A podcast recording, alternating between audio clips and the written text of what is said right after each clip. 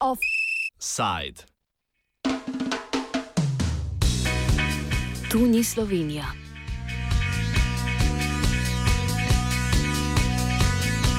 Predstavniki organizacije Amnesty International Slovenija in Pravno-informacijskega centra nevladnih organizacij Slovenije, krajše PIC, so na novinarski konferenci zjutraj predstavili poročilo o omejevanju dostopa do pravice do azila migrantom, ki so v juniju in juliju nedokumentirano prestopili hrvaško-slovensko mejo in o njihovem prisilnem vračanju.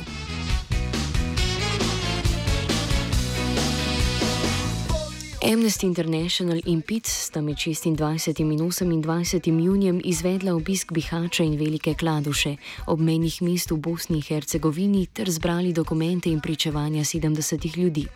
Od teh je 58 ljudi doseglo Slovenijo, 51 pa jih pravi, da so v postopku pridržanja strani slovenske policije zaprosili za azil. Slovenska policija je ljudi kljub izraženi prošnji za azil predala hrvaškim organom, ti pa so jih na to deportirali vrnili nazaj v Bosno in Hercegovino.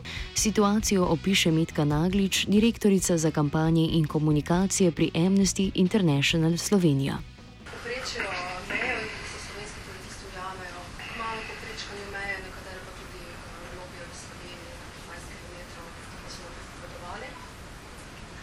Kar je bilo posebej zaskrbljujoče in kar smo ugotovili, je, da je zelo veliko število pričevanj potrdilo da jim slovenske oblasti oziroma tem primeru policisti niso omogočili vložiti prošnje za azil. Povedali so nam, da so rekli za azil, pa so policisti v nekaterih primerih to ignorirali, v drugih primerih so jih zavajali, so jim rekli, da bodo jih odpeljali v azilni dom, potem so jih pa predali hrvaškim oblastem. V nekaterih primerih so jim pa izredno rekli, da v Sloveniji uh, ni azila. Mnogi v bistvu niso vedeli, kaj se z njimi dogaja, dokler niso bili predani hrvaškim oblastem. Podpisovali so um, dokumente, ki niso vedeli, kaj podpisujejo, bili so slovenskim jezikom.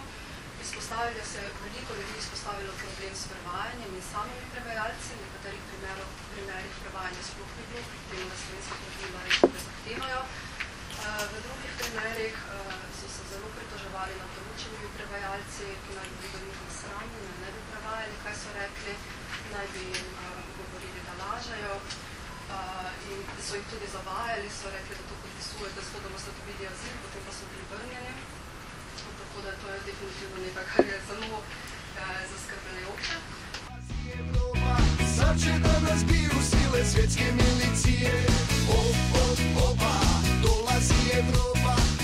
Protipravna prisilna vračanja brez ustreznih varovalk, ki jih zahteva pravo človekovih pravic, so potekala v neformalnih postopkih, v katerih so policisti pogosto sami odločali o legitimnosti prošen. Prosilcem za azil so prevajalci postopke lažno tolmačili in prevajali. V nekaterih primerjih pa je prišlo celo do nasilja, oduzema osebnih predmetov in zaplimbe denarja. Situacijo opiše Metka Naglič. Um kaj bi se moralo zgoditi v teh uh, primerih, ko človek uh, izrazi namero za prositi za azil, to lahko reče enostavno z besedo azil ali pa s kakimi drugimi bolj preprostimi besedami. Uh, policisti bi morali izvesti po zakonu mednarodne zaščite tako imenovan predhoden postopek, kjer bi njegovo namero registrirali, ga identificirali, ta postopek izvedli, te, bi, te čase bi mogli imeti zagotovljeno prevajanje.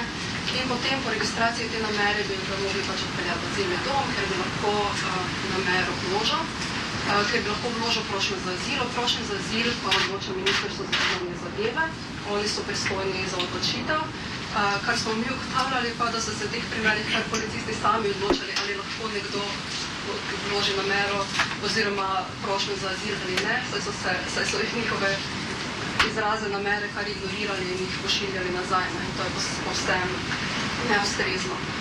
Po mednarodnem pravu človekovih pravic, tudi po slovenski zakonodaji, ima vsakdo pravico vložiti prošljo za azil, ima pravico Amnesty International je od sogovornikov v bosanskih mestih zbrala tudi dokumente, predvsem kazni za ilegalni prehod meje, ki dokazujejo njihovo prisilno vračanje. To potrjujejo tudi statistični podatki Generalne policijske uprave, ki je v začetku poletja, še meseca maja, med 1251 zabeleženimi nedovoljenimi prehodi meje pri 760 ljudeh sprožila azilni postopek, hrvaškim organom pa predala le 146 oseb. V juniju je v Slovenijo nedovoljeno vstopilo 899 oseb, od teh so jih vrnili 631.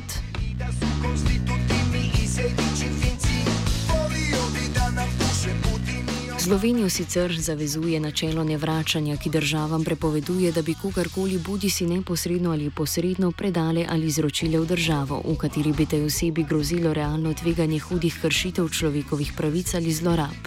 Spoštovano bi moralo biti v vseh primerjih vračanj ali izgonov, ne glede na to, ali je oseba izrazila namero zaprositi za azil ali ne.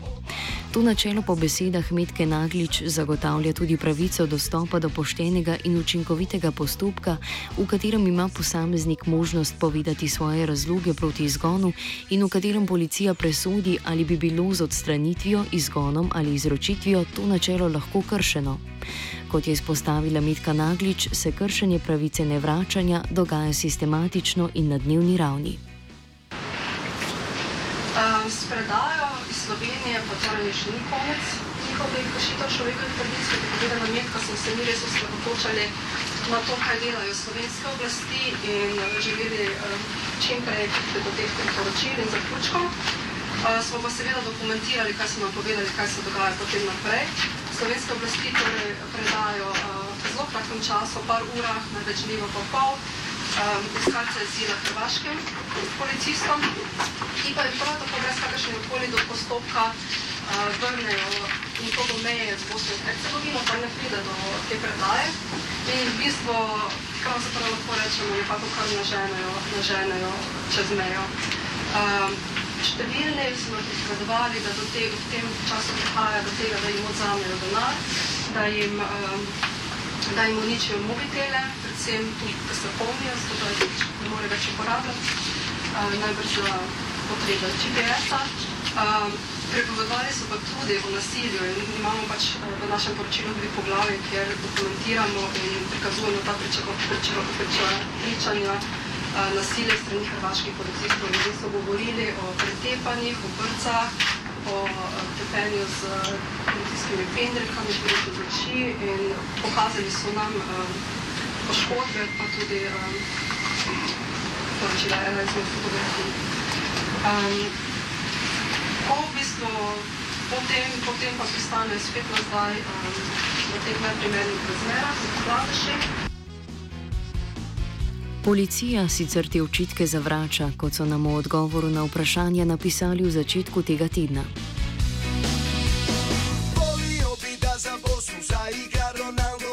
Uvodoma želimo izpostaviti, da so izjave o tako imenovanih pushbackih neumestne, saj slovenska policija kljub povečanemu številu nedovoljenih prehodov na mej z Republiko Hrvaško izvaja svoje naloge strokovno in zakonito. Pri tem izvaja določila zakona o tujcih, zakona o nadzoru državne meje, zakona o nalogah in pooblastilih policije, zakona o mednarodni zaščiti, skupaj z veljavnimi pravilniki ter mednarodnimi pogodbami, predvsem sporazumom o ponovnem sprejemu oseb med vladami mejama Slovenije in Hrvaške. Poleg tega slovenska policija upošteva vse dogovore o sodelovanju med pristojnimi organi. To velja tudi za izvajanje protokola o sodelovanju med policijo in skupnostjo CSD glede mladoletnikov brez spremstva. Generalna policijska uprava pri izvajanju spremljanja stanja na terenu in nadzorih nad delom policistov ni zaznala nepravilnosti. Prav tako o teh ni bila obveščena z lokalnega ali regionalnega nivoja. Slovenska policija pri svojem delu v celoti upošteva pravice tujcev, tudi pravico do mednarodne zaščite. Policija je skladno z načrti dela za učinkovito varovanje zunanje šengenske meje in ciljem omejitve pritiska nezakonitih migracij na ozemlje Slovenije policistom naslovila posamezne usmeritve v skladu z evropsko in nacionalno zakonodajo o obravnavi nezakonito prebivajočih tujcev na ozemlju Republike Slovenije. Predvsem so bile usmeritve vezane na vodenje postopkov in organizacijo dela ter posebno spremembe taktike v okoliščinah povečanih migrac migracijskih pritiskov.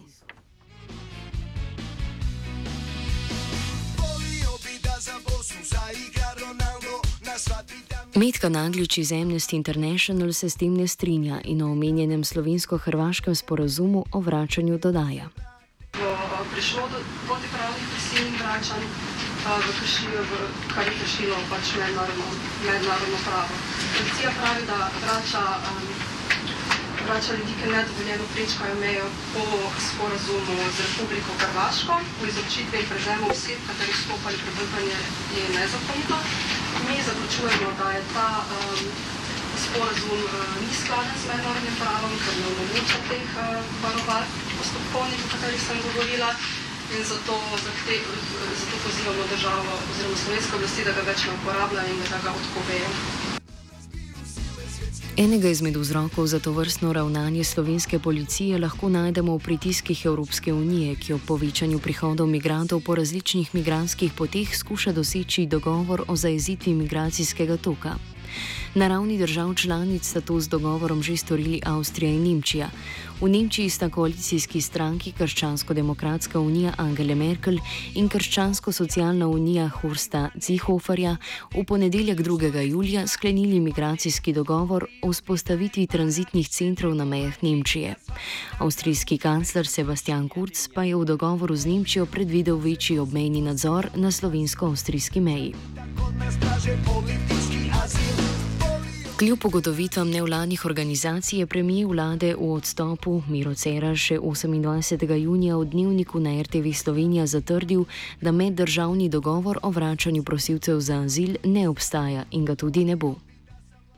Slovenija ne načrtuje nobenega dvostranskega dogovora z Nemčijo ali s kako drugo državo o kakšnem vračanju prosilcev za azil. E, takšno vračanje v vsakem primeru za nas ni sprejemljivo. Enak odgovor so nam dali na generalni policijski upravi in dodali.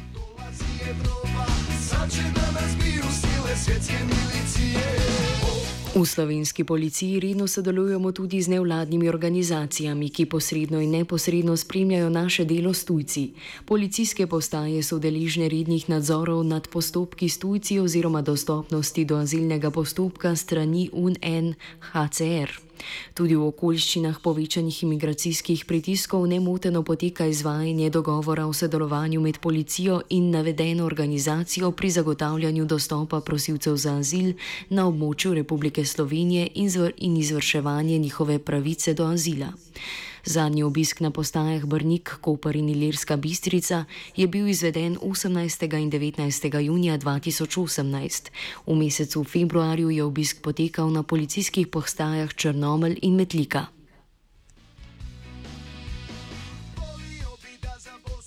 Glede na zagotovila policije v rednem nadzoru UNHCR nad azilnimi postopki, smo se obrnili na njihovo pisarno v Budimpešti.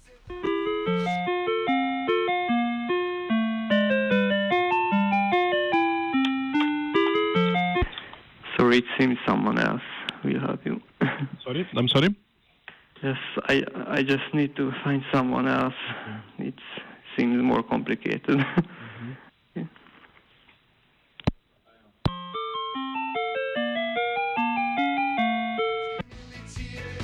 Po dobre pol ure prevezovanja smo izvedeli, da so regionalno pisarno v NHCR v Sloveniji ukinili pred slabim letom dni.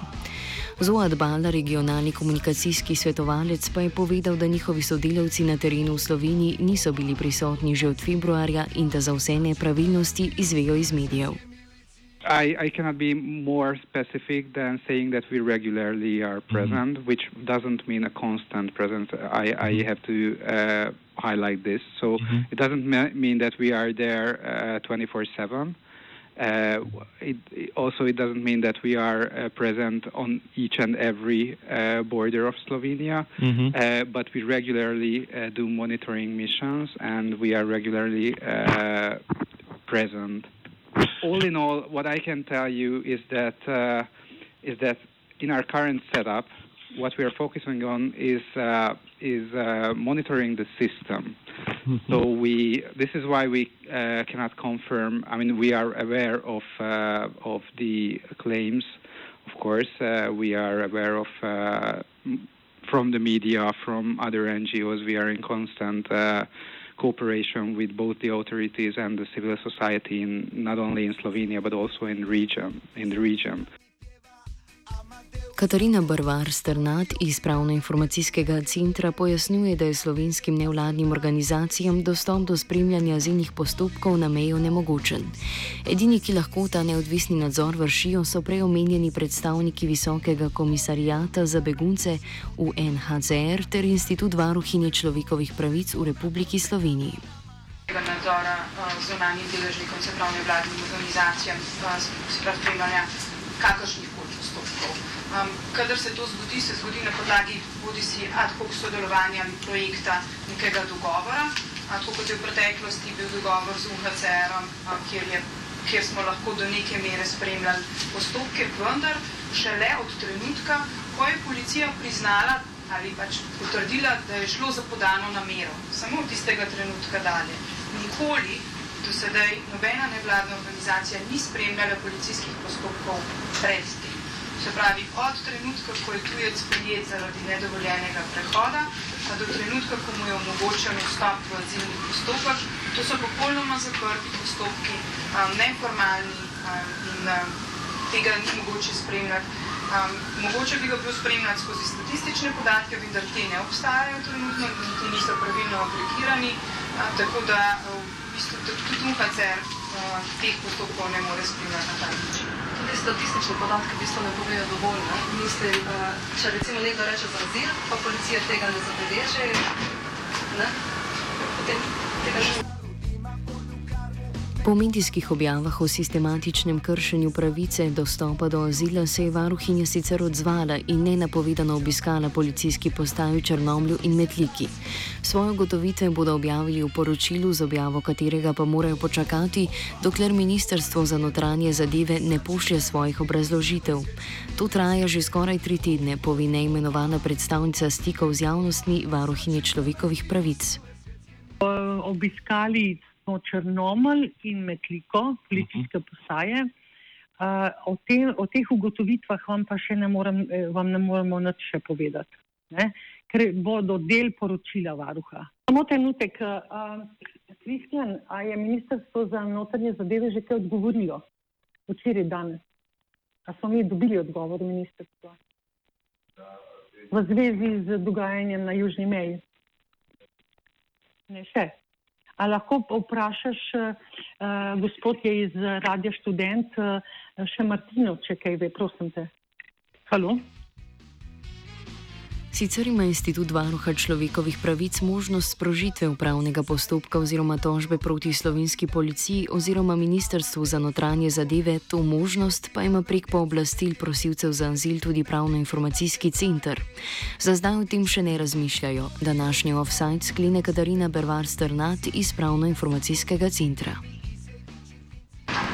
Mi imamo ta pooblastila um, in um, bomo zdaj pod teh poročil uh, tudi v bistvu analizirali, katere pravne postopke oziroma um, kaj točno bomo s temi pooblastili.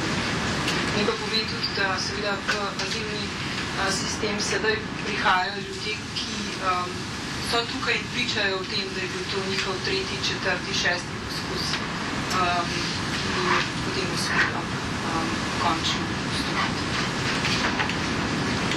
Se pravi, tudi te ljudi so potencijalno sami lahko seveda vlagatelji nekih pravnih sredstev za državo. Prisilno in nelegalno vračanje imigrantov raziskoval Dugi.